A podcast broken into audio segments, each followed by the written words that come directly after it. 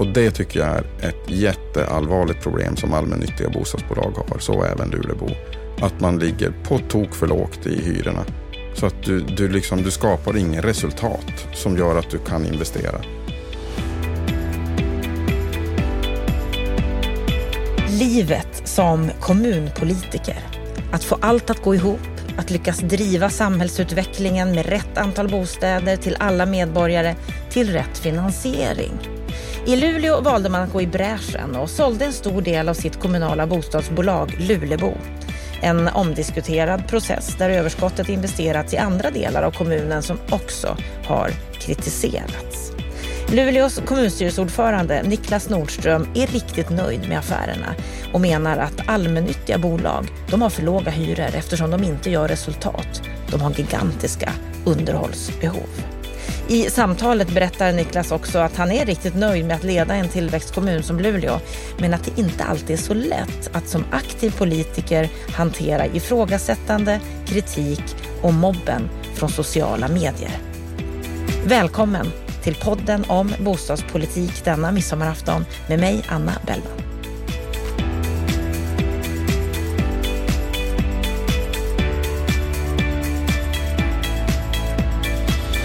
Som vanligt i Bopolpodden så börjar vi med att titta på vilka aktuella händelser som det har snackats om på den bostadspolitiska arenan under veckan. Varmt välkommen Stefan Attefall. Tack ska du ha. Du, eh, Boverket kom ju tisdags med sina indikatorer för bostadsbyggandet och du har ju läst dem. Vad säger Boverket egentligen om det framtida bostadsbyggandet? Ja, de bekräftar den bild som många andra har tecknat att bostadsbyggandet nu faller ganska kraftigt och framförallt bostadsrättsbyggandet. Eh, jämfört med toppåret 2017 så är det en halvering av antalet bostadsrätter och framförallt är det i Stockholm där fallet är som störst. Eh, men även småhusbyggandet minskar med en 30 procent medan hyreshusbyggandet verkar ligga lite mer stabilt. Men även där ser man en liten minskning på 5 procent ungefär. Eh, så att eh, Göteborg verkar vara lite bättre men Stockholm är ett dramatiskt fall i just det ägda boendet. Är de oroade, tycker du? Ja, det är klart att men samtidigt Boverket har ju skissat på hur många bostäder vi skulle behöva bygga och det rör sig om en, upp mot 80 000 per år. Så att eh, nu faller vi ner på en hälften av vad som är behovet egentligen. Så att eh, visst eh, höjer de varningssignaler för att det här går åt fel håll. I det 73-punktsprogram som Socialdemokraterna, Miljöpartiet, Liberalerna och Centern eh, införde här nu i januari så pratar de om att återinföra investeringsstödet. Hjälper inte det till här?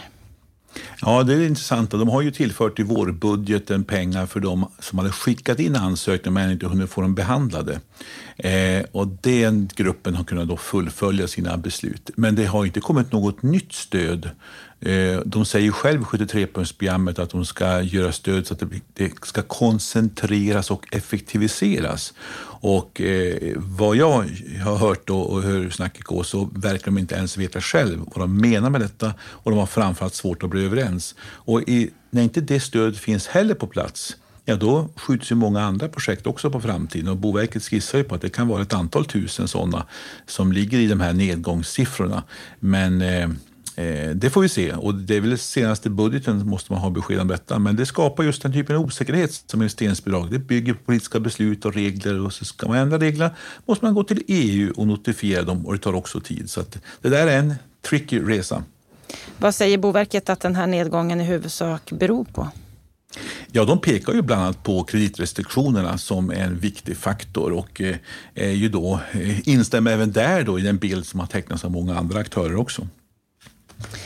Om vi tittar på Finansinspektionen så hade de en debattartikel 14 juni där de skrev att deras nya rapport till regeringen visar att hushållens skulder nu växer i långsammare takt. Att andelen unga som är nya bolånetagare är högre idag än åren innan amorteringskraven infördes både i Stockholm men också i riket i stort. Att unga inte har blivit utestängda ifrån bostadsmarknaden som många påstår. Vad säger du om den här nyheten, Stefan?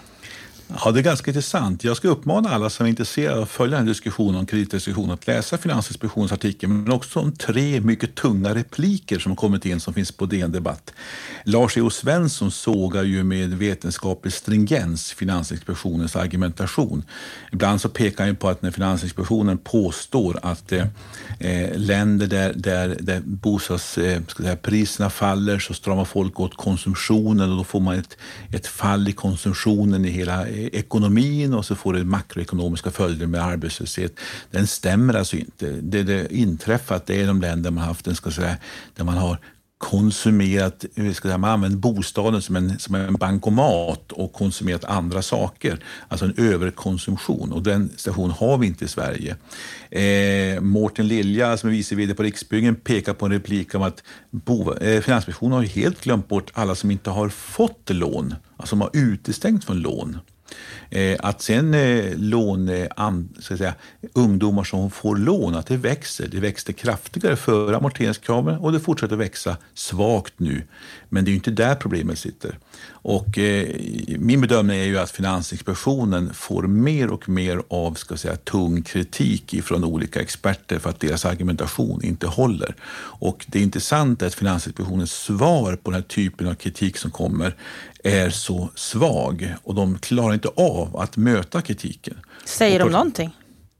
Nej, alltså de påstår utifrån någon slags makro att vi ska vara oroliga för skuldsättningen. Och det har kommit en rapport från SBAB där deras chefsekonom Robert Boye nu eh, ju pekar också på det här med att den här skuldsättningsdiskussionen den är missvisande.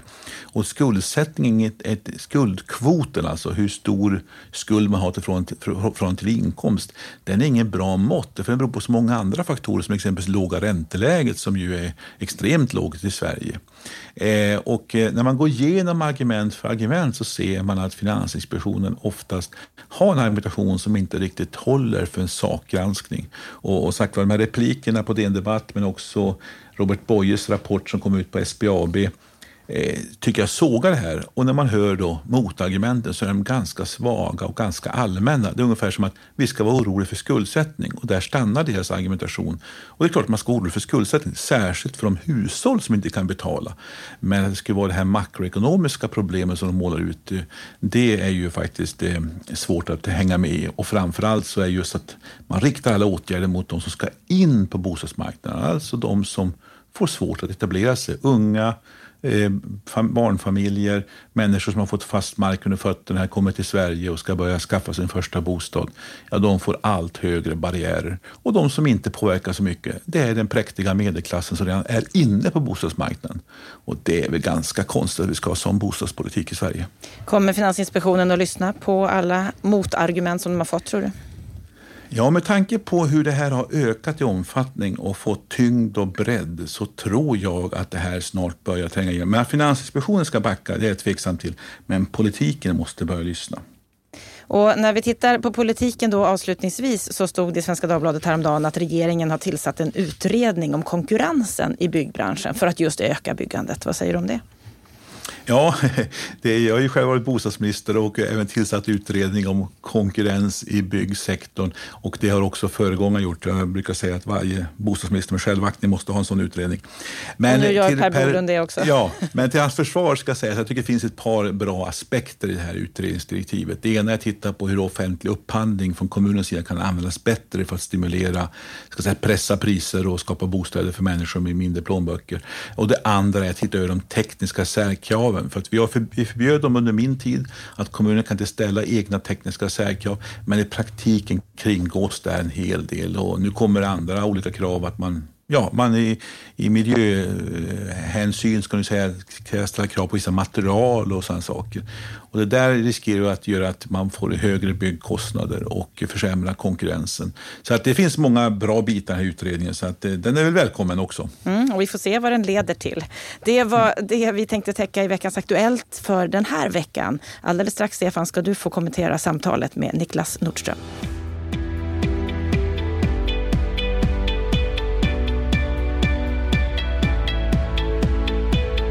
Han har varit politiskt aktiv mer eller mindre sedan 15 års ålder. På CV syns SSU-ordförande, oppositionsråd i Nacka. Han har arbetat inom näringslivet med försäkringar som PR-konsult och sedan fem år tillbaka är han kommunalråd i Luleå. Idag kommunstyrelsens ordförande för Socialdemokraterna. Han är också ordförande för Business Sweden. Varmt välkommen till Bopolpodden Niklas Nordström. Tack så mycket. Vad är ditt sinnestillstånd idag? Eh, just nu eh, så tycker jag nog att jag har varit på semester i två veckor så att eh, ännu så har liksom inte det här eh, strypgreppet återkommit från alla möten och sammanträden man ska vara på så att jag känner mig ganska lugn. Lugn och skön, ja, ja men det är en bra start. Ja. Tittar vi på Luleå, den kommun som du leder, så är det ju en fantastisk region, en fantastisk kommun. Rikt på naturresurser, i framkant när det gäller miljö och klimatfrågor. Ett fantastiskt testlandskap. Den självklara platsen för Facebooks datacenter som ju nu är ett av världens allra största. En högskola av rang. Ni har fått pris som årets tillväxtkommun. Ni har den nionde största tillväxten av Sveriges 25 största städer. Vad skulle du säga är det bästa med att leda Luleå? Men egentligen är det nog väldigt mycket det du sa. Jag tycker ju att det är spännande att leda en eh, både kommun och, och en region som är då i förändring. För det, någonstans är det ju när man är uppvuxen i norra Sverige som jag är eh, och eh, ganska mycket av Eh, Eh, hela min, man ska säga, barndom och ungdom så var det väldigt negativt. Det var hög arbetslöshet, det var utflyttning. Det var inte så självklart att det fanns framtidstro. Så för mig är det en, eh, eh vad ska jag säga, den, den väldigt skön känsla att någonstans liksom se den här gamla hemstaden ha rest sig ur de problem som det har varit. För att det är klart, det här är en stålstad i grunden. Vi hade lika gärna kunnat vara en sån här klassisk eh, bruksort som sakta krymper ihop. För stålverket har ju minskat radikalt. Slutet av 70-talet 5 500 anställda, idag 1200. Så att det är klart att den strukturomvandlingen har ju inte gått bara obemärkt förbi. Men att ta sig igenom den och där vi är idag, det tycker jag är jätteroligt. Och det, det, gör, mig, ja, det gör mig ödmjuk inför hur, hur långa cykler ett samhäll, en samhällsförändring mm, är. Liksom. Den är jättelång att se den här resan och att ändå ta sig igenom det. Och du får vara en del av den resan? Ja, någonstans att då vara med och säga att ja, men nu tar jag vid här. Nu försöker jag bidra med min kunskap och min energi. Och det, det tycker jag har varit ett, ja, väldigt roligt och stimulerande. Det är ju svårt. Jättesvårt att leda förändring i ett lokalsamhälle. Vad är det som är det svåra? Att det är så otroligt många intresse och målkonflikter att hantera. Alltså det är ju, var du än vänder dig så, så tycker människor olika och du har olika ja, liksom, du kan ju ha en, en eh, nationell ambition på ett område som krockar med en lagstiftning på, på, på, på andra kanten och det gör att i det där ska du manövrera. Jag menar, det är ju en jätteförmån att ha stålindustri och ett, en stor flygplats med flygvapnet eh, Eh, ger många jobb och mycket framtidsmöjligheter. Men det sätter också begränsningar. Vi får inte bygga hur som helst. Vi får inte bygga på vilka områden vi vill. Vi kan inte bygga på höjden och så vidare. Och det där är klart, det där ska du manövrera i, att utveckla en modern urban miljö med alla möjliga intressekonflikter och målkonflikter som är i ett samhälle. Det, det är å ena sidan stimulerande, men å andra sidan många gånger också väldigt svårt och det gör att man får varken, ja, jag kan ibland bli sådär, ibland kan jag bli väldigt irriterad också på, på inte minst det statliga perspektivet. Att man, man kan ibland ha en väldigt, tycker jag, slarvig syn på oss i kommunerna. Det, det är lite sådär äh, att man tycker att ja, ja, vi, kan inte, vi kan inte ge kommunerna statsbidrag bara hur som helst. Då vet man aldrig vad man hittar på. Eh, det där är väldigt Lite konstigt. misstroende? Ja, det finns någon sorts konstig misstro. Att man, ska, man tror att genom att detaljreglera ja, liksom på skolans område är det ju ett skämt att se liksom hur det ser ut med alla de pengar som är. Um, och, och, sånt kan jag ibland tycka är är väldigt synd att man inte liksom litar på oss som står där ute. För vi är ju frontsoldater i demokratin som medborgarnas tjänst. Det är ju aldrig så att en riksdagsledamot eller minister som är där när man skäller på strandskydd eller när man ställer på, skäller på bensinskatten eller när man skäller på varför man inte får bygga här eller där, utan det är vi som måste ta den debatten. Det är kommunpolitikerna som står i, den, i, i, i skyttegraven längst fram liksom och ska försvara då lagar och regler och, och demokratins olika olika begränsningar. Och, och där i frontlinjen, där i frontlinjen, där står ju du. Ja, och när jag googlar dig och tittar på mediabilden av dig ja. så får jag ju känslan och intrycket av att det händer grejer runt dig. Det stormar ibland. Trivs du med att vara en offentlig person där det händer saker? I huvudsak ja. Men jag ska också vara ärlig att jag, jag är inne i en resa nu där jag nå, mm, har blivit väsentligt mycket mer eh, tveksam kring sociala medias inverkan på det offentliga samtalet. Jag har i grunden en väldigt positiv syn, tycker att det finns mycket som är bra med, med Facebook och med Twitter och så vidare. Men, men jag ser ju också hur mobben erövrar den här eh, gentemot mig och gentemot många andra förtroendevalda. Och, och det är, jag pratar mycket med mina äldre kollegor, så sent som en på flyget ner idag, som rent krasst sa, nej men jag hade aldrig orkat. Jag fattar inte att du orkar. Hur gör liksom, du för att orka? Ja, man får utveckla sina strategier där. Eh, en är ju då att, att under perioder som nu när jag var på semester så var jag inte in på Facebook under två veckors tid. Eh, det, är liksom, det är ett sätt att bara liksom hantera det på sättet rent fysiskt, att man inte gör det. Det andra är ju att eh, ja, men jag har någonstans bara krasst konstaterat att min ambition som jag hade att vara en väldigt transparent och tillgänglig politiker har jag fått ge upp i vissa avseenden. För jag märker att men det är liksom ingen idé att möta de här eh, ja, mobben som finns där ute, för de vill inte ha svar på frågor. De vill bara vara arga och hata politiker eller eh, mig då som person eller någonting sånt. Och då, och då är det ju ingen idé. Så att lite, lite sorgligt är det att ens ambitioner då inte riktigt kan förverkligas i att vara den här öppna och tillmötesgående, utan man bara får krasst konstatera att ja, det har utvecklats i en sån riktning som gör att eh, jag rår inte på det i alla fall och, och många andra politiker kommer till samma slutsats att det, liksom, det går inte.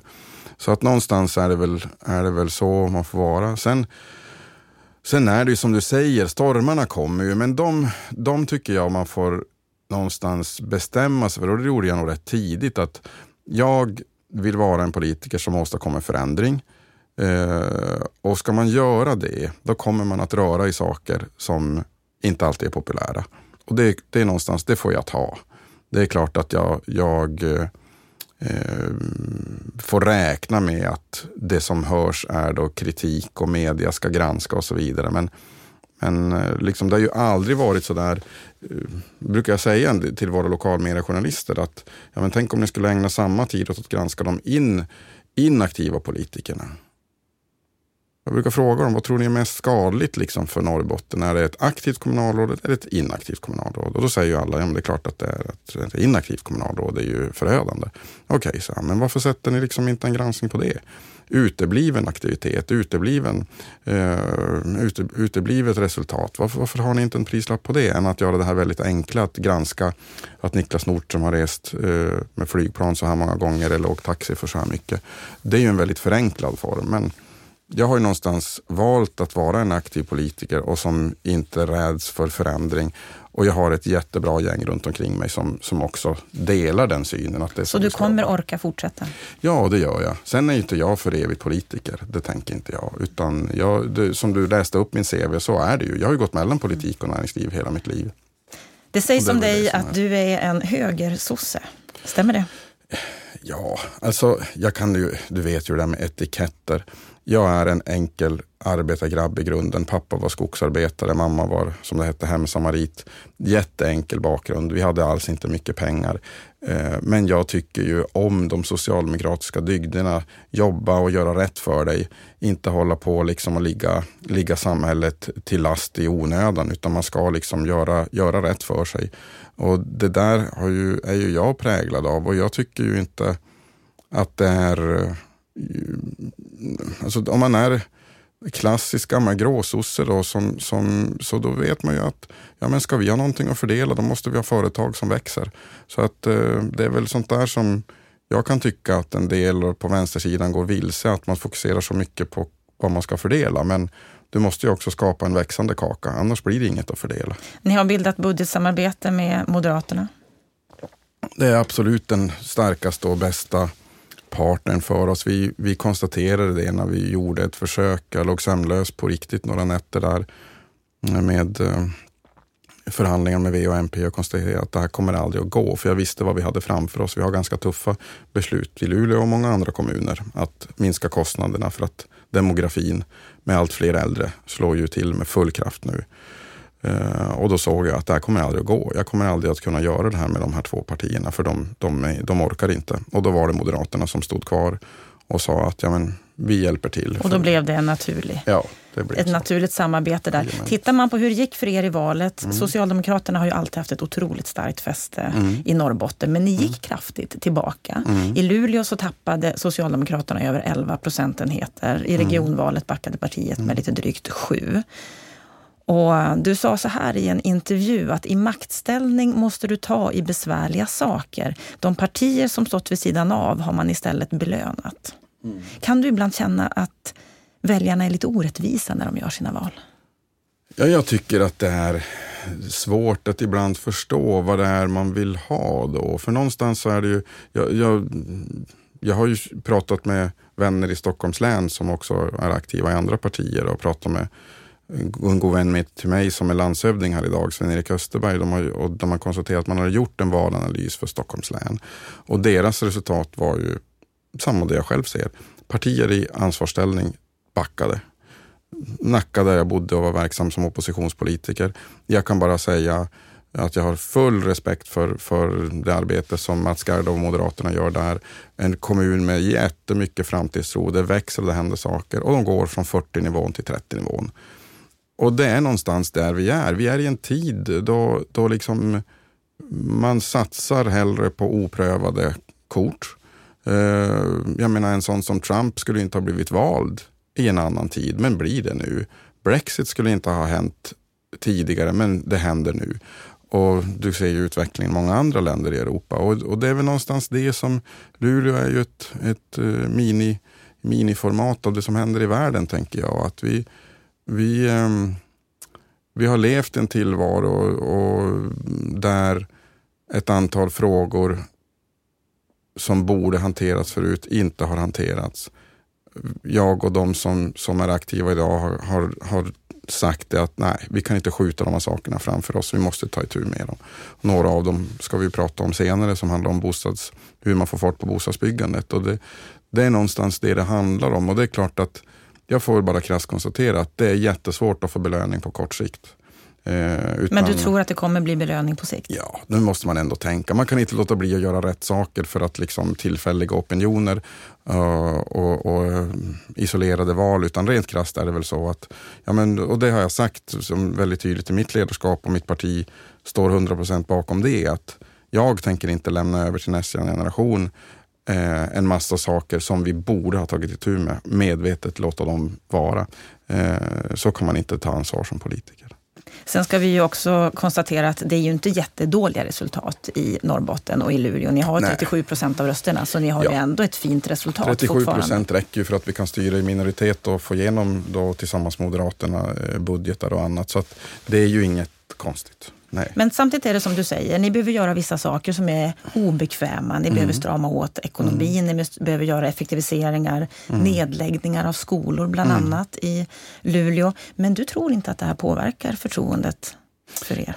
Så här, jag tror så här att det är klart att, att det finns eh, alla sådana här saker som, som är, man har levt i en tillvaro, Luleås skolstruktur har inte rörts eh, på 50 år. Eh, och det kan man ju ha en del åsikter om. För det är klart att Luleå har förändrats under de här 50 åren. Nu är vi i ett sånt läge där vi har vi har skollokaler för 2000 fler elever än vad vi är. Vi, vi har skollokaler på ställen där, där eh, befolkningsunderlaget kraftigt har minskat och vi behöver bygga skolor på, på ställen där, där befolkningen växer. Den här omstruktureringen den måste göras. Eh, och det är klart att om vi då inte har rört skolstrukturen på 50 år så är det ju inte naturligtvis bara under applåder som, som det Nej, görs Det blir nu. vissa protester också. Det blir det. Men om vi tittar på de här åtstramningarna då ni behöver göra i ekonomin. Hur allvarligt är läget egentligen? Om man sa det så här då. det är inte allvarligt idag. Luleå har enligt en mätning som Dagens Samhälle gjorde eh, Sverige, Sveriges eh, femte starkaste kommunala ekonomi. Eh, men, eh, och vi har ingen stor låneskuld så. Men det går jättefort. Vi ligger för högt i kostnader på ett antal områden barnomsorg, eh, förskolan då och äldreomsorg, det man kallar för särskilt boende, för populärt äldreboende, ligger vi på tok för högt i kostnader. Och vi har som sagt lokaler som inte har underhållits och skötts på det sätt som det borde. Och jag vet att vi inte är ensamma om det. Det ser ut liknande i, i stora delar av kommunsverige. Men det är ju ingen tröst. Vi måste ju hantera vårt problem. Och då tänker jag så här att eh, nu tar vi de här sakerna och vi måste göra det ganska ordentligt. För att bara det eftersatta fastighetsunderhållet kommer inom fem år med de kraftigt ökade underhållskostnaderna att innebära en skattehöjning på 1,50 givet att vi inte gör någonting. Och då förstår man att det är jättemycket pengar det handlar om. Så det är inte akut om vi säger att vi skulle kunna skita och göra någonting ett och två år till. Men efter det, då är det jätteallvarligt. Och då kommer vi att rusa in i kraftiga underskott och riskera skattehöjning. Så det gäller att ligga steget före ja. här? Och vi ligger så högt i skatt. Eh, vi ligger i paritet med Umeå, Skellefteå och Sundsvall och så vidare. Det är inte så att det skiljer jättemycket, men vi ligger högt i skatt i, i norra Sverige. Och det, det är, vi kan liksom inte dra på mera där. Vi har hämtat det vi kan, tycker jag, hos medborgarna. Nu måste vi, nu måste vi eh, jobba på annat sätt, jobba med digitalisering, jobba med effektivisering. Och självklart så är det här eh, sånt som då skaver och det blir protester och eh, det kommer, det kommer att se ut så. Men samtidigt så är det också så, väldigt många också i vår egen organisation, jag pratar ju med mellancheferna inte minst, för att jag vet ju att de har det ju jättetufft. Det är de som står och möter våra medarbetare och, och våra medborgare. Så jag är ganska mån om att liksom ha mycket kontakt med mellancheferna och fråga vad, hur, hur tycker ni, går det bra det här? Alla säger Niklas, vi är så glada att ni äntligen tar itu med det här. Och så ger de från sina verksamheter alla exempel på ineffektivitet, eh, felaktig budgetering, för mycket resurser på fel ställen. Så att eh, folk är inte dumma och mm, någonstans är det som så. Det som hörs och syns i, i lokalmedia och sociala medier, det är de som är arga. Men den vanliga medborgaren som är rätt mån om att kommunen håller i sina pengar och inte höjer skatten, de hörs ju inte lika mycket. Luleå, ni är Sveriges 25 största kommun sett till befolkning. Ni placerar er på nionde plats när det gäller tillväxt av arbetstillfällen. Om vi då kommer in på den här kärnfrågan vi har här mm. idag med bostadsutmaningen. Hur stor mm. är den egentligen? Den är mycket mindre nu. Vi lyckades ju få fart på bostadsbyggandet med den när vi la om politiken 2015 och sålde en del av allmännyttans bestånd och fick upp Eh, etablerade, etableringar från södra Sverige som Rikshem och Heimstaden och ett antal andra som följde i kölvattnet av det. Så jag är inte orolig över bostadsproduktionen nu. Jag tycker att vi har, nu har vi de aktörer vi behöver och det finns det tryck det behöver. Sen så kommer det ju alltid att vara så att att den här balansen man eftersträvar, den gäller ju samma i Luleå som på övriga bostadsmarknaden. Den, är ju, den blir ju aldrig perfekt. Och det, det, vet ju alla hur det där är. Ska vi bygga eller vänta in och så vidare.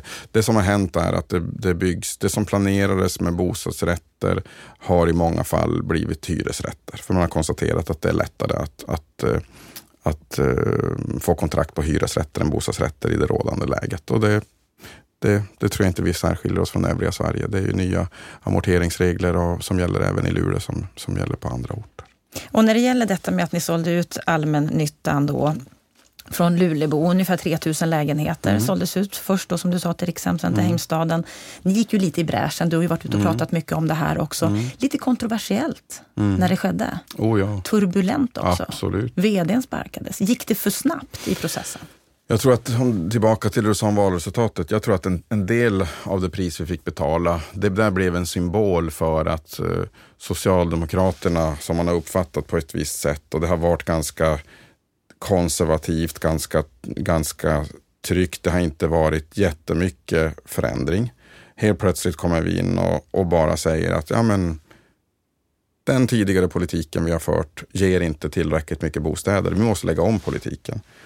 Eh, det i sig var ju tillräckligt för att, att många skulle bli jätteoroliga och upprörda. Och sen är det ju också, tycker jag, liksom ohederligt agerande av aktörer som Hyresgästföreningen som börjar prata om och skrämma människor om att det skulle bli hy hyreshöjningar, vilket vi alla vet att det blir det inte. Vi har ju regleringar i Sverige. Det blir inte per definition högre hyror för att du byter ägare. Men det är klart att det, det, så blev den lokala debatten. Och det där eh, var ju det vi fick hantera. Men i grunden eh, så har det visat sig att vi gjorde helt rätt. För det var det här som har gett till att vi idag har väldigt många fler aktörer och det byggs mycket bostäder. Och det var syftet, att Absolut. få in fler aktörer. Vad ville ni uppnå med det? Det vi gjorde var ju att vi inte bara sålde, utan vi sa ju också till Rikshem och Heimstaden att okej, okay, vi säljer till er, men då måste ni också ta på er att nyproducera. Så att lite förenklat modellen. För två lägenheter de fick köpa så lovade de att bygga ytterligare en ny. Det var ju hela idén, att få liksom upp volymen. Men sen har det gjort att Lulebo har fått en starkare kassa. Lulebo är ett mer solitt företag och har råd med att både renovera de har ju också ett väldigt eftersatt eh, underhåll på sina fastigheter. De har råd att bygga. Vi kunde hämta 400 miljoner till kommunen som eh, vi kunde göra eh, andra investeringar av och slippa ta lån för att fortsätta utveckla samhället. Och det, så jag tycker den manövern är jag otroligt stolt över. Jag tycker det är ett av de mest innovativa greppen som, som vi har tagit i, Luleås historia för att liksom verkligen åstadkomma förändring. Så det är jag jättestolt över att vi gjorde. Och just det här du nämner nu att ni har fått en rejäl tillgång i er kassa som ni har kunnat använda till andra satsningar. Det har ju också kritiserats ja, en del. Så är det ju och det är väl tillbaka till det här du, ska, man, ska man göra saker och tro att det inte blir kritiserat, då har man förmodligen gjort fel saker någonstans är det då min krassa erfarenhet här i livet att där vill du göra förändring, då får du stå upp och, och, och, ta den. Jag tycker det var otroligt bra att vi kunde hämta de här pengarna. Eh, det skulle ju ha varit ett översolitt företag om de hade legat kvar där. Det liksom kan inte ha en balansräkning med så mycket pengar. Det hade blivit på tok fel. Uh, och sen är det ju tillbaka till det där att det finns ju, jag menar, det är ju, det är ju den här åsikten som då finns och företräds av, av, av Hyresgästföreningen bland annat, att då skulle pengarna på något sätt tillhöra hyresgästen. Och därmed mm, de har bland annat sagt att de borde användas till underhåll av befintliga fastigheter, ja. produktion av nya lägenheter och till hyror som vanligt folk har råd med. Ja, och det är klart att där kommer ju en del in i den här felsynen. Lulebo måste ju med sina hyresintäkter eh, bära kostnader för renovering och drift, eh, underhåll och även ha utrymme för nyproduktion. Och det tycker jag är ett jätteallvarligt problem som allmännyttiga bostadsbolag har, så även Lulebo. Att man ligger på tok för lågt i hyrorna. Så att du, du, liksom, du skapar ingen resultat som gör att du kan investera. Utan, så att fastigheterna förfaller? Absolut. Och det, Vad skulle du säga är... Det ska man säga till historiken är ju den att det såldes utan att, att det liksom blev någon politisk debatt då. 1100 eh, lägenheter har sålts historiskt där man har sålt små portioner, fått in cash och renovera. Så att du har ju verkligen, den gamla ordningen var ju förödande. Nu gjorde vi ett rejält grepp omstrukturerade bolaget och har, har gjort ett jätteviktigt städarbete. Eh, för för det, det är någonstans, jag kan bli så förvånad över att människor på riktigt tycker att ett allmännyttigt bostadsbolag inte behöver tjäna in sina pengar. Eh, ja, priset vi betalar är att runt om i Sverige så står det allmännyttiga bostadsbolag som har gigantiska underhållsbehov. Lurebo har fortsatt ett underhållsbehov på 2,7 miljarder. Det är vad som återstår. Och de måste fram genom hyror. De kan ju inte komma någon annanstans ifrån. Och Lulebo hade ju en stor del av beståndet. Mm när, innan ni sålde, 70 procent. Ja. Vad skulle du säga är en rimlig storlek på ett allmännyttigt bolag? Jag tror att det, det, är svårt att svara på. Jag har ju tittat på hur det ser ut så olika i kommun-Sverige. Det är jättesvårt att svara på. I vårt fall så satte vi ett intervall att det skulle ligga mellan 45 och 55 procent och sådär. Och det, ja, det är ingen vetenskap bakom det. Men vi var, vi, vi det känns det som en rimlig balans? Ja, vi bedömde ändå att vi måste ju ner i alla fall så att, inte, att vi inte liksom, att grovt sett hälften privat, hälften allmännytta. Det har ju varit jättestort som sagt. Vi sålde ju då ungefär en tredjedel av Luleåsbos bestånd. Mm. Om vi tittar på andra kommuner, andra städer som också har stora bostadsbolag, Gävle, Örebro bland annat. Vad skulle du rekommendera dina kollegor där att göra? Det är så svårt att säga. Varje, varje kommun har ju sina förutsättningar. Om man tar de här som Örebro, de har ju så många andra aktörer som vill bygga så de har ju inte riktigt samma problem som vi hade. Däremot så är det ju det här med, med eh, Många av mina äldre partikamrater sa ju det att kom ihåg Niklas, det kommer sämre tider också. Det var inte särskilt kul när, när Luleåbo var ännu mer dominerande och vi fick eh, stå kallt under flera år och fullmäktige fick skjuta till pengar för att eh, täcka underskott i bolaget och så vidare. Så att de äldre av mina partiaktiva var, var faktiskt de som drev på väldigt mycket när vi väl la fram förslaget. För de sa det här är jättebra. Det är för stor risk för kommunen att stå som ägare till ett så dominerande bolag. Vi måste ha andra aktörer. Så om någon annan vill göra samma resa, ja, vad skulle du rekommendera? Jag tycker hur, hur det är, allmännyttan i Sverige står inför sådana utmaningar. Det, det, är, det blir liksom orimligt att att den ska bära så mycket av det här ansvaret själv. Jag tycker att eh, vad exakta procentandelen och hur stort ett kommunalt bolag ska vara, det går ju inte att svara på. Men, men det är inte rimligt att vi har så stora eh, så stort ansvar som allmännyttan ändå har. Vi måste ha fler aktörer som delar. Så därför tycker jag sådana här som Rikshem och, och Heimstaden är, är jättebra spelare. Seriösa, långsiktiga finns liksom över hela Sverige. Och sådär. Så ett ökat samarbete mellan det kommunala med näringslivet, att få en bra balans? Jo, jag tror det är helt nödvändigt. Det, liksom, det blir, ska man, ska man liksom få fram det kapital som krävs för att upp, eh, uppgradera allmännyttan och modernisera och sådär, då, då måste det bli så. Om vi tittar på Luleås framtid. Ni är en kommun, en stad i tillväxt.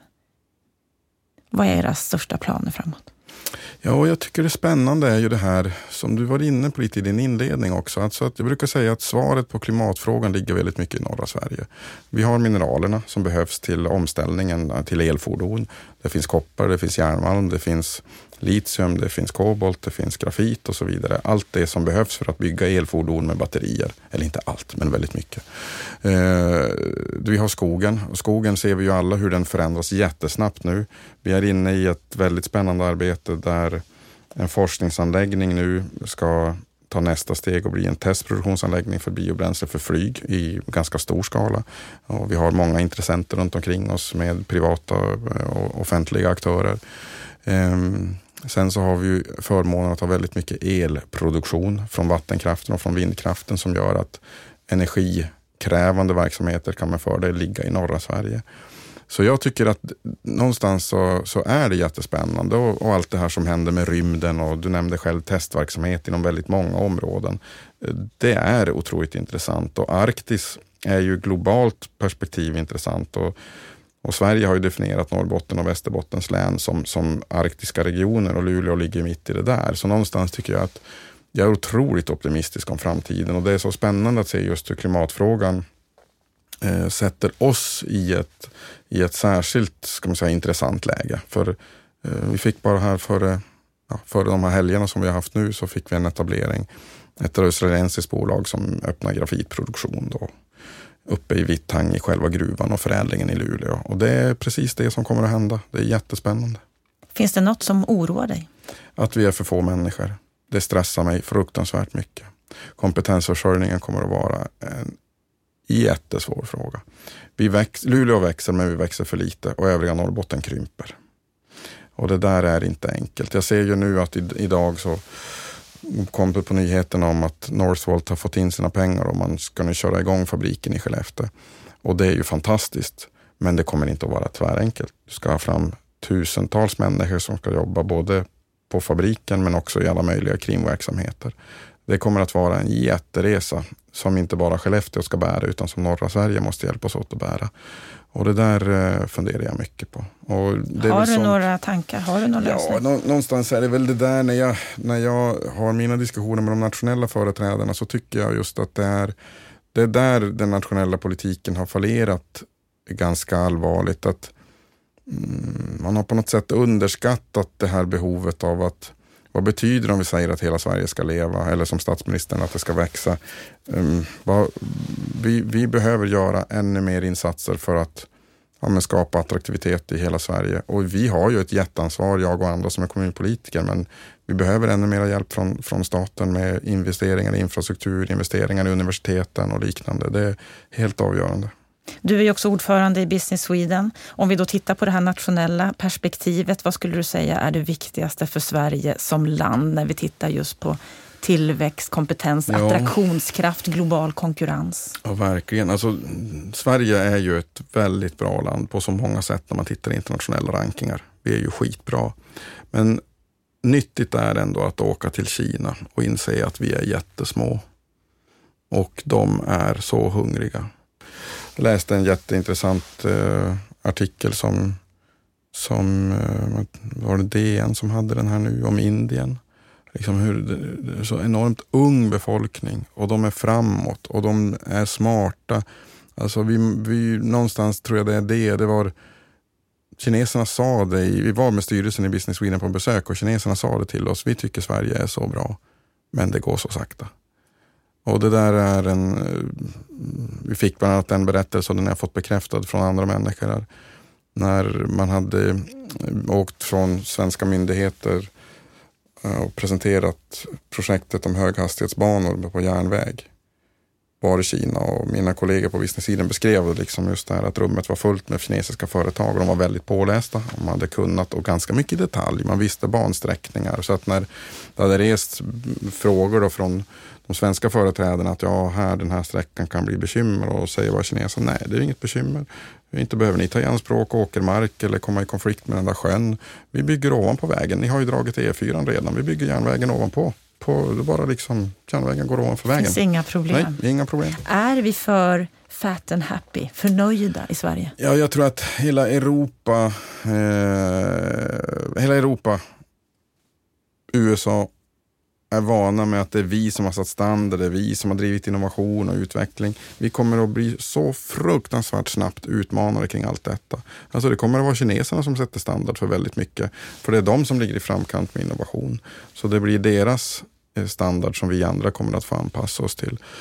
Ehm, och Indien, man ska hela den här resan, de det var ju många av oss som trodde, jag minns jag läste en artikel i The Economist för tio år sedan, att Indien kommer ändå att slå Kina givet att det är en demokrati och med institutioner. Och så blev det ju inte. Men det är väldigt mycket som talar för att det faktiskt blir så nu. För att den här väldigt unga befolkningen i Indien bryter ju så otroligt mycket ny mark och det är ändå de som kommer att bestämma. Liksom. Det, det är ju, I Europa är det ju, och, och USA är det ju pensionärerna som bestämmer väldigt mycket. Brexit hade ju inte blivit av om inte de pensionärerna hade velat ha det så. De unga ville ju inte ha Brexit. Och sen så kommer det till Indien som är ett land där det är de unga som bestämmer. Det kommer att utmana hela, hela vår världsbild och vårt sätt att, att verka och leva. Så att hur man uttrycker det med fat and happy eller, eller vilka ord man använder, men att vi är i ett så enormt stort behov av att förstå att det är inte vi som kommer att bestämma takten. Det är inte vi som kommer att sätta standards. Det är vi som kommer att få tvungna att anpassa oss. Och då gäller det att vi är mycket snabbare och eh, flexibla än vad vi har varit hittills. Det är allvar. Det är det absolut. Stort tack Niklas Nordström för att du kom till Bopolpodden. Tack för att jag fick komma.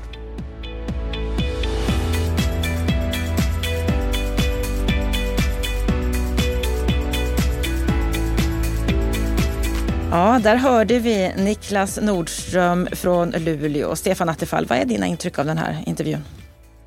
Ja, jag tycker att det har varit spännande att lyssna på de här intervjuerna som vi har haft och som du har haft med olika kommunala företrädare. Det har varit eh, kommunstyrelseordförande i Göteborg och det har varit i Södertälje, i Södertälje ja, och fastighetsborgarrådet i Stockholm och nu Niklas Nordström från Luleå. Alltså man får en inblick i den här kommunala ledarskapsrollen som jag tycker är faktiskt eh, riktigt intressant och jag ska uppmana alla att lyssna på dem faktiskt. Man förstår politiken på ett annat sätt och det det är vardag och det är, man är ute som, som Niklas själv säger, frontlinjen gentemot medborgarna. Allt blir mycket mer påtagligt än att sitta i riksdagen där man är på distans lite grann från medborgarna. Och där säger eh, han ju att staten är lite slarviga mot kommunpolitiker. det, det, det, man kan säga så här att jag håller med honom i det avseendet, men samtidigt ska man också konstatera att många grejer när staten gör saker med bestämda intentioner så blir det inte effekt i kommunerna. Alltså kommunerna gör lite som de vill ibland när staten till och med har bestämt via lagar och regler. Så jag ska säga att det här är tudelat. Jag håller med honom till en viss del. Samtidigt har jag förståelse för rikspolitiken som ibland vill styra lite grann mera tydligt vad som ska åstadkommas för pengarna. Mm. Men får jag säga så också så att jag tycker hans beskrivning av Luleå är något också vi ska ta med oss i bilden. Inte bara för Luleå i sig. För att han beskriver ju en ort där det händer ganska mycket. Det är tillväxt och det, det, det, är mycket investeringar och mycket på gång. Och det gäller inte bara Luleå, det gäller mycket Norrbotten. Det gäller de här stora kustkommunerna som Skellefteå, Umeå och Sundsvall. Och det här är lite grann blinda ögat, eller vad man ska säga, för många som håller sig nere i Stockholmstrakten och söderut. Att man ser inte den dynamik och det är faktiskt det som händer. Problem har vi i norra Sverige, men det ligger framförallt i inlandet. Men i kusten är det en ganska dynamisk och spännande utveckling faktiskt. Och inte minst i Norrbotten. Mm. Han eh, pratar ju dels om det, fascinationen att leda en sån här region som mm. älskar att förändras, men också svårigheten i det. Och han lyfter ju svårigheten i att vara politiker, inte bara när det gäller i relationen med staten, utan också i relationen med de som kritiserar, de som mobbar i sociala medier. Vad, vad, vad säger du mm. om den här känslan som han Ja. Uttrycker väldigt öppenhjärtligt tycker jag. Ja, jag, är, jag är djupt orolig för jag tror att han är, han är nog ganska, tror jag, relativt sett hårdhudad jämfört med många andra. Och eh, eh, Det innebär att det är många andra som har redan skrämts bort eller kommer att skrämmas bort mycket snabbare än Niklas. Eh, därför att det är en tonläge, det är en attityd mot politiker generellt och framförallt mot de som gör någonting och sticker ut. Eh, och det är sociala medier, men också eh, media i stort. Och jag tycker han har en bra poäng där han säger att man granskar allt vad man gör, men man granskar aldrig politiker som ingenting gör eller som driver verksamheten eh, ineffektivt. Att vara en passiv politiker det är det mest riskfria du kan göra, men det är också det mest förödande för en kommuns utveckling. Så där, har jag, där, där, har jag stark sympati för Niklas och många av hans kollegor runt om i Sverige. Och det här är en hårdnande verklighet som är faktiskt ett riktigt allvarligt hot mot vår demokrati. Det är många politiker, många människor, eller många människor som inte går in i politiken eller inte vill ta på sig de yttersta uppdragen därför att de tycker inte det är värt priset. De vill inte bli bespottade. De vill inte få massa sura kommentarer där de bara försöker göra sitt bästa. Och där kan man ju fundera på vad är det för utveckling vi kommer att se här när det gäller vilka som faktiskt tar på sig ansvaret, mm. rollen att, att leda landet. Mm. Det här är en allvarlig utveckling. En annan sak som jag skulle vilja ta med dig, där, där han ju, som du säger, han vågar sticka ut, han vågar säga vad han tycker och tänker. Det är ju när vi kommer in på det här med, med att de har sålt en stor del av det kommunala bostadsbolaget Lulebo om allmännyttans roll. Och där han säger att han tycker att det är på tok för låga hyror i allmännyttan. Mm. Vad säger du om mm. det? Ja, alltså eh, eh, han har rätt i den meningen att många kommunala bostadsbolag har prioriterat att hålla hyran låg och inte rustat sig för att för att rusta upp och underhålla sina fastigheter. Alltså jag har ju rest runt i, hela mycket, i Sverige mycket. Jag har varit själv ordförande för kommunalt bostadsbolag. Jag tycker jag har ganska bra överblick och man kan se tydligt skillnader mellan olika bolag och olika kommuner. Och man kan se också att de som inte under lång följd av år har skött om sina fastigheter. De bygger upp underhållsberg som de nu måste ta tag i och då blir det akuta åtgärder. Alltså man har, man har eh, eh alltså inte bäddat för framtiden och det är det som han pekar på som Luleåbo har. Stora renoveringsbehov, stora eh, problem att själv ta på sig en stor kostym för att rusta och bygga nytt. Och då har man inte tillräckligt bra ekonomi i företaget. Och det här är ska vi säga, ett problem som många kommunala bostadsbolag lider av och jag ser många fastigheter runt om i Sverige som inte är så bra underhållna som de borde vara. Så att han har en poäng här, men han svär ju i den ska säga, socialdemokratiska kyrkan eh, när han säger att det är på tok för låga hyror, för det tror jag inte hans partimedlemmar i så hög grad vill höra. Eh, och det här är väl lite grann en del av det problem som också ni samtalade om, om det här med att man har tappat mycket i valet och hur tufft det är att vara i ansvarsställning. Alltså att det finns en förväntan hos väljarna på någonting och så bryter man mot det. Och det är precis det Niklas har gjort. Han har, han har skakat om liksom, politiken uppe i Luleå. Han har gjort ett antal saker som man inte förväntat sig. Mm. Är det inte mer av det vi, vi skulle vilja behöva eller skulle behöva?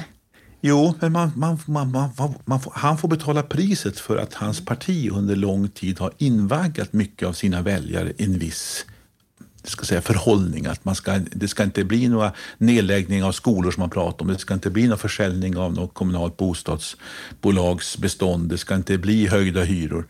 Och så kommer han och inser att det här måste vi göra nu, annars kommer vi gå åt skogen. Och det är klart att då får du en väljarreaktion. Du... Och det är lärdomen tycker jag för alla partier att tänka på. Hur bäddar jag för de beslut jag tvingas fatta imorgon? Du, Stefan, du sitter ju själv i styrelsen för Heimstaden som är ett av de företag som har eh, köpt en del av Lulebo. Borde fler kommuner göra de här krafttagen och sälja ut mer av sina kommunala bolag av allmännyttan som Luleå har gjort? Jag tycker när man, gör, när man har den station som man haft i Luleå med stora behov av renoveringar i bostadsbolaget, en oerhört stor andel av hyresrätterna i kommunen. Eh, och man behöver få in fler aktörer, bland annat för att bygga nytt. Då tycker jag, tycker jag det är principiellt rätt det de gör. Eh, jag tror på att det behövs ett kommunalt bostadsbolag på varje större ort eh, och de ska ha muskler. Men de får inte vara för dominanta. Jag tycker alltså att de gör rätt i Luleå. Eh, sen är det viktigt att man gör processen på rätt sätt och där tror jag att Niklas kanske efterhand tycker att de kanske inte skötte den första försäljningen som gick till Rikshem särskilt snyggt för den skapar mycket turbulens internt i hans parti men också i, och det slutade med att vdn avgick ur kommunala bostadsbolaget. Mm, det känner han ju också. Mm. Så att hur du genomför processerna är ju lika viktigt som vad du gör och det är också en intressant ska vi säga, lärdom för alla politiker och där kanske Niklas fick eh, en liten bister erfarenhet. Stort tack Stefan för den här veckan. Tack så du I nästa veckas Bopolpodden ska vi få träffa advokat Jörn Liljeström som företräder ett stort antal köpare som inte vill gå vidare och köpa en nyproducerad bostadsrätt eftersom den inte blir färdig i tid som utlovats. Första domen har kommit och där vann bostadsutvecklaren SSM i Stockholms tingsrätt. Nyproduktion kan bli flera år försenad och man får upplåta bostadsrätter som inte är byggda, menar tingsrätten. Domen är överklagad. Om det och hur det borde fungera, det får du höra i nästa veckas Bopolpodden. Gillar du det du hör så sprid gärna den här podden till andra. Och fram till nästa vecka önskar jag dig en riktigt skön midsommarhelg och en riktigt trevlig vecka.